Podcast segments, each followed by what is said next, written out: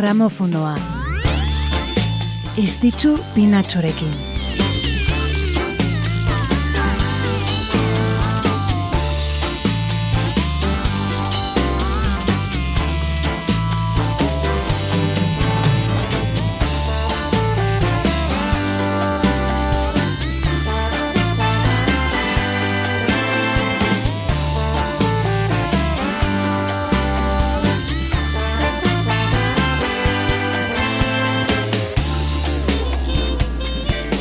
Arratxaldeon denoi gramofonoan gaude ongi etorri, naiz irratia da eta musikaren tartea letu da. Musikaren historiako une gogoan garrienak gogoratzeko tartea. Abentuak bederatzi gaur, Euskal musikaren eta liburuaren eh, azokaren azken egunetan gaude, Euskal kulturgintzaren festa haundian, egun garrantzitsuak. Naiz irratia ere durangora mugitu da, bertatik eh, ari gara aurten, aurten argitaratutako lanen berri ematen, eta sortzailekin ba, solasean, eh, liburu eta diskoien nondik norakoak izautzeko. Mino urrengo ordu erditxoan e, parentesi moduko bat eginen dugu, gure oiko sintonian, aste osoko musika efemeriden errepasoa egiteko. Eta horretarako, Euskal musikagintzaren eh, izenik haundienetako batekin hasiko gara. 2000 eta amarreko abenduaren lauan utzigintuelako Xavier Letek.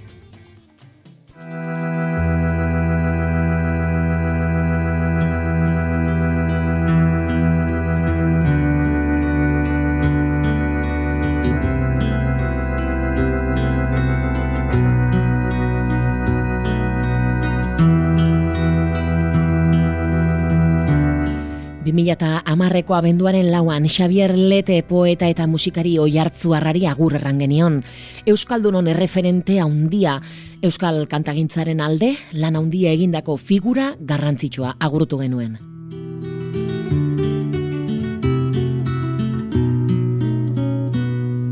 Nik ez dut ametsa hunditik zeru ederrik eskeintzen etxipenaren mugetan.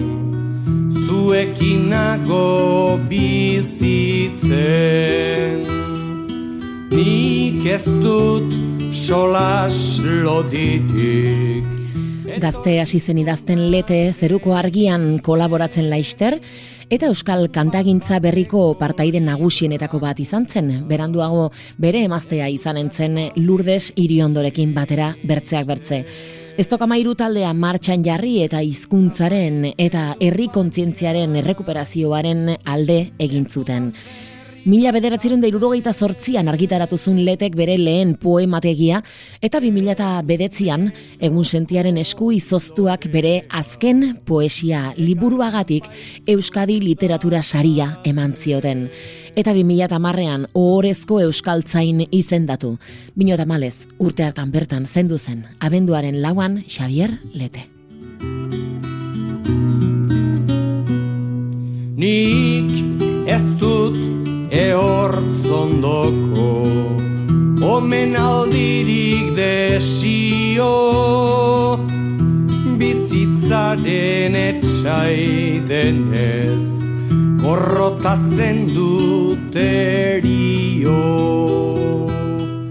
Ez dut nahi errizar baten Agonikan pairik entzun alferrik da biozkataz egoerari erantzun lur bortitzonen azpian obeagorik ez dago. Handik berri zitzultzerik ez da asmatu oraino.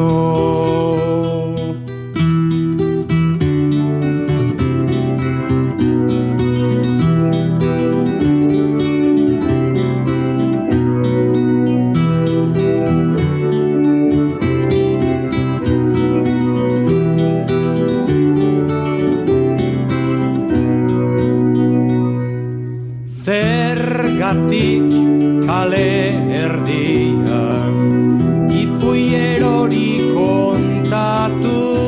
Leteren abestigintzan bere olerkiek eta hitzek dute garrantzirik handiena.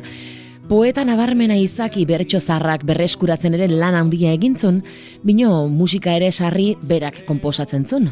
Hau bera adibidez, honek izena du, ez dut ametsa hundirik, Xavier Lete gogoratzeko.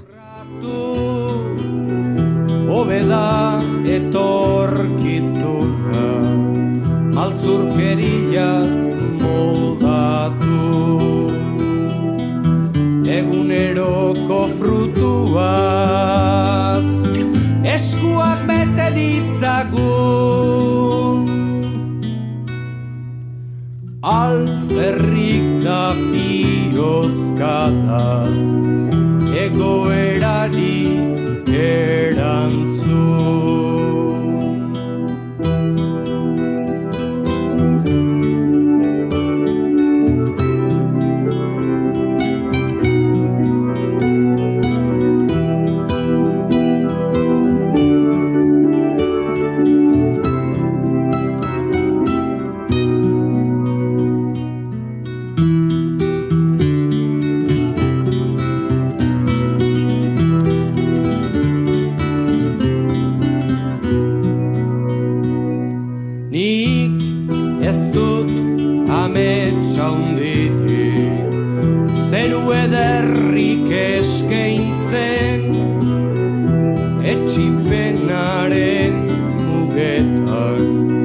zuekin nago bizitzen.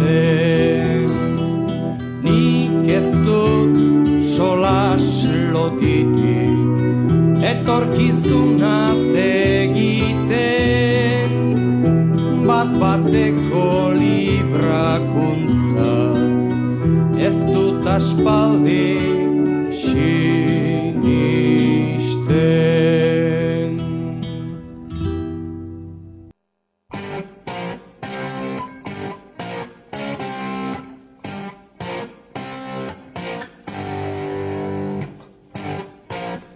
Xavier Leterekin ireki dugu gaurko gramofonoa bino segidan generoz eta giroz guztiz aldatuko dugu. Egun honek, abenduaren lauak baduelako zer kontatua, eh? Urrengo kantuak, mila bederatzerun da irurogeita amekara eramanen gaitu. Montrouseko kasinoak suitzan su hartuzun egunera. Frank Zapparen emanaldi batean gertatu zen, eta egun hartan di parpelekoak eh, Frank Zapparen eh, teleoneroak izan ziren, ba, sude hark, ondamendi hartako txinpartek inspiratuta eta Deep Purpleekuek Smoke on the Water kantu ikoniko hau sortzera eramantzitun. Tragedia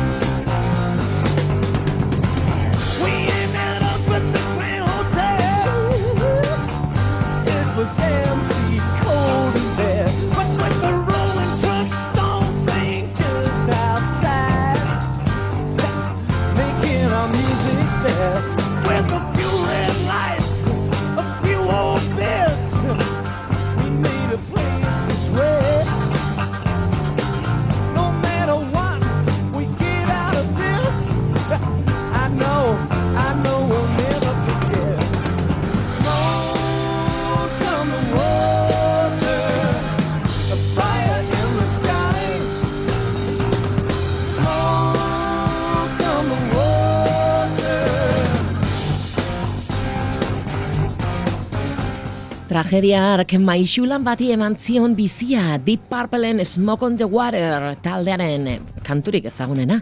Mila bederatzerun da irurogeita mekako abenduaren lauko zuteak inspiratu zuen. Aizu eta Frank Zappa ipatu dugu, ba, musikari paregabe hau dugu gaurko efemeridetan arrazoi ezberdinengatik bi aldiz.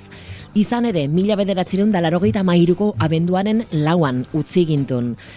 Minbiziak jota zendu zen Los Angelesen berrogeita amabi urterekin zapa rokaren musikaririk ikonoklastenetako bat eta sailka ezinenetako bat izan zen irurogeiko amarkadako undergroundetik sortua naizun bezala evoluzionatu zuen e, jasarekin edo musika klasikoarekin ere jostatuz.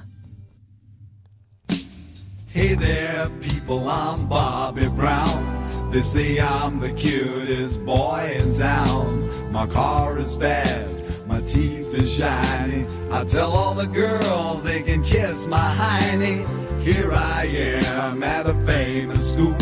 I'm dressing sharp and I'm acting cool. I got a cheerleader here wants to help with my paper. Let her do all the work and maybe later I'll rape her. Oh God, I am the American too extreme, and I'm a handsome son of a bitch. I'm gonna get a good job and be real rich. Get a good, get a good, get a good, get a good. Women's liberation Experimentazioan, esplorazioan murgildu zen Franz Zappa. Mamia, mamia unitzuten lanak argitaratu zitun, batzutan akaso ulertzeko zailak, behin bino gehiotan aditu behar diren oietakoak idatzi zitun. Gaur, bere omenez, akaso bere repertorioko kanturik melodikoena izan daiteken oietako bat dugu hau, Bobby Brown Goes Down.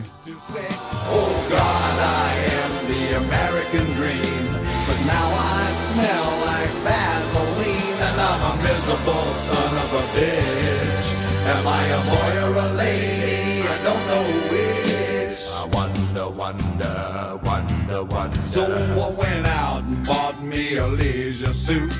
I jingle my change, but I'm still kinda cute. Got a job doing radio promo. And none of the jocks can even tell I'm a homo. Eventually, me and a friend sort of drifted along into S&M. I can take about an hour on the Tower of Power, as long as I get a little golden shower. Oh God, I am the American dream, with a spindle up my butt till it makes me scream, and I'll do anything to get ahead. I lay awake nights saying thank you, Fred. Oh God, oh God, I'm so fantastic. Thanks to Freddie, I'm a sexual spastic, and my name is Bobby Brown. Watch me now, I'm going down, and my name is Bobby Brown. Watch me now, I'm going down, and my name is Bobby Brown. Watch me now, I'm going down. Wop bam balloon bam blam bam bam to the boot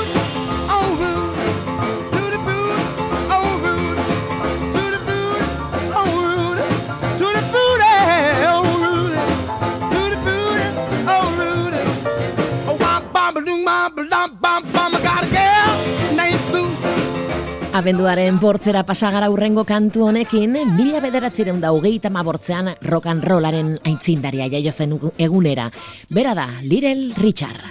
But she's the gal that I love best to the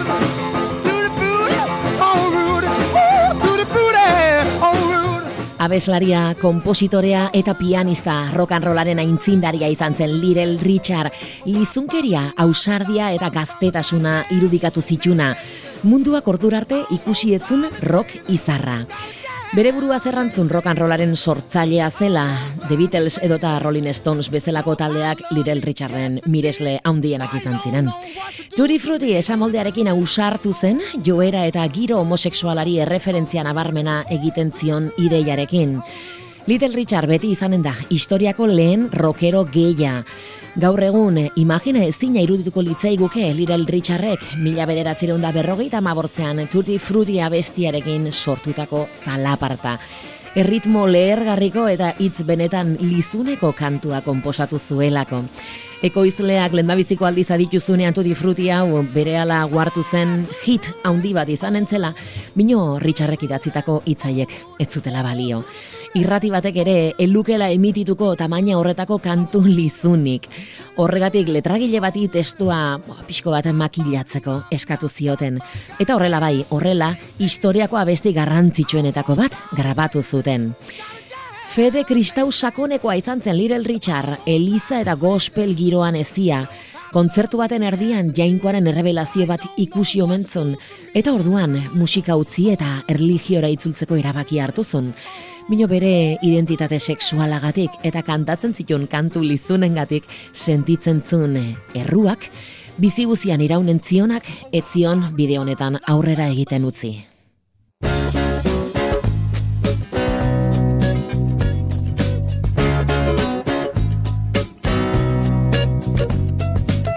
Abenduaren bortzekoa zen Little Richard eta egun berekoa J.J. Cale baita ere. Irurte beranduago jaioa, mila bederatzireun da, hogeita enmezortzian.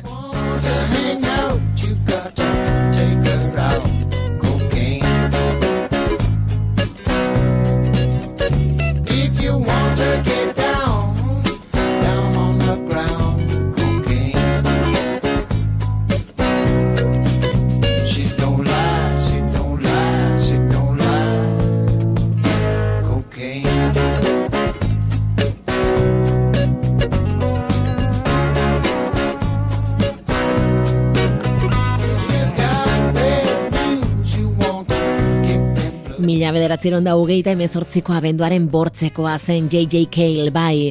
Fokuak ez sobera maite. Bino Eric Claptoni esker lortuzun mundu mailako ospea Calek.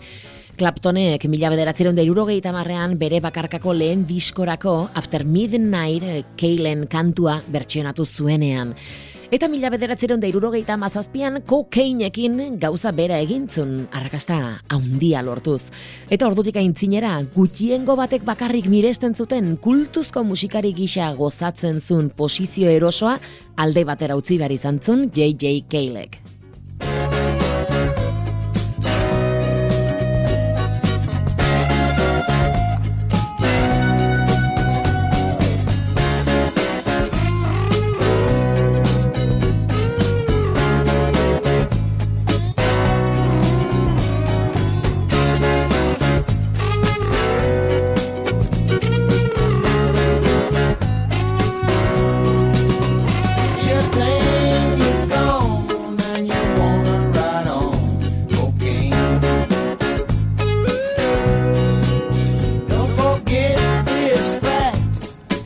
Mila bederatzireun da irurogeita marrean Eric Claptonek After Midnight eh, grabatu zuen bere bakarkako estreinako albumerako, abesti estatu batuetako top hogeian jarriz.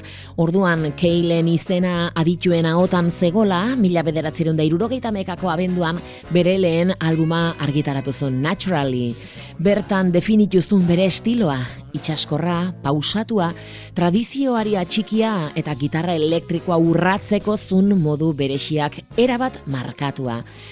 Hainbat bakarkako lanen ondotik 2006an Eric Claptonekin bat egintzun berriro, elkarrekin The Road to Escondido albumari forma emateko, Keilek eh, ura osatzen zuten amalau abestitatik ameka sinatu zitun, eta 2009an bere azken lan argitaratu zuen Roll On, Clapton kolaboratzaile zula. Biotzekoaren ondorioz, 2008an hiltzen J.J. Cale.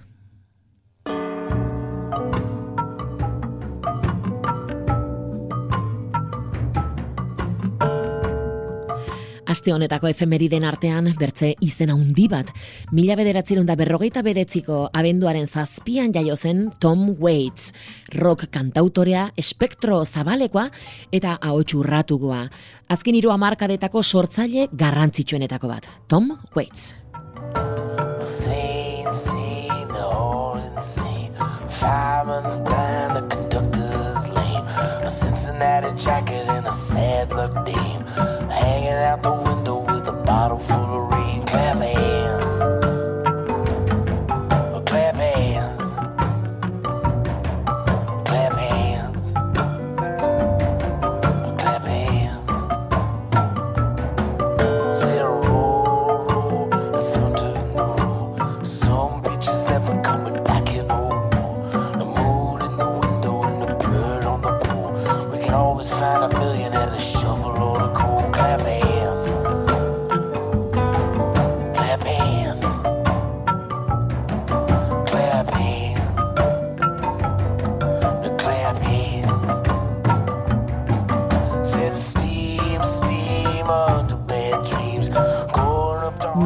Mila bederatziron da irurogeita amairuan hasi zen grabatzen, garai klasikoko Beat Generation eta jasarekin liluratuta zegonean. Ordutik eta azken hamarkadetan batez ere, nahiko soinu eh, sailka ezin baterantz evoluzionatu, du, rokean oinarritua beti ere, bino nolabaiteko espresionismo musikala garatzeko aukera ematen diona. Tom Waits, honek izena du Clap Hand. clap hands.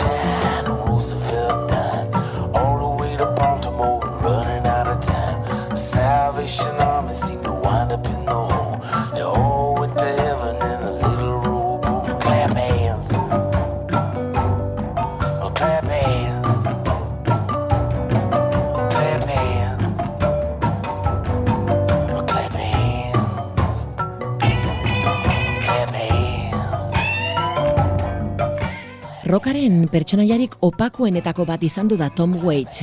Honek ere ez ditu fokuak sobera maite. Nahiko izkutuan mantendu izan da beti elkarrizketak ere, gutxitan eman izan ditu.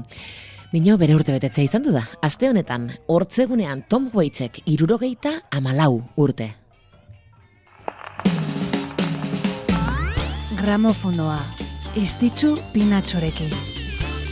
Naiz irratian zaude, gramofonoa da hause musika efemeriden saioa, izen handiak musikari garrantzitsuak ari gara ipatzen gaurkoan, Xavier Lete, Deep Purplekoak ekarri ditugu, Frank Zappa, Little Richard, J.J. Cale, Tom Waits azkena, eta oraintxe hortzeguneko efemeriden artean, Jim Morrison izanen dugu izpide.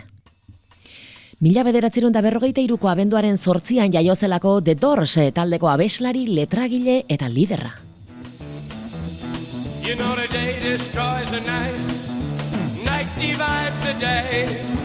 Try to run, try to hide, break on through to the other side, break on through to the other side, break on through to the other side, yeah.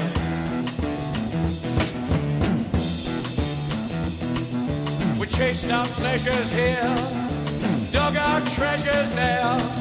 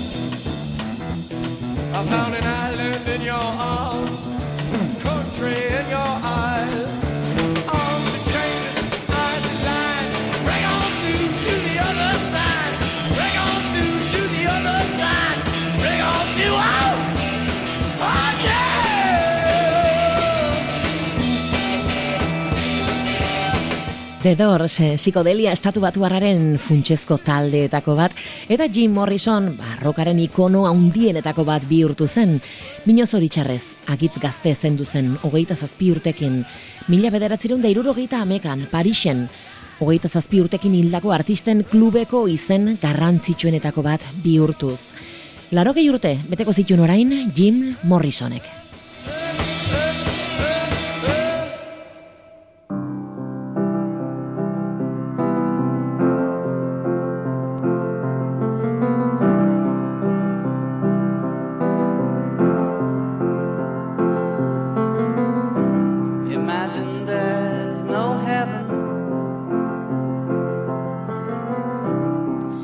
Eta benduaren zortziko berta, bertze gertakari historiko batekin itxiko dugu gaurko saioa.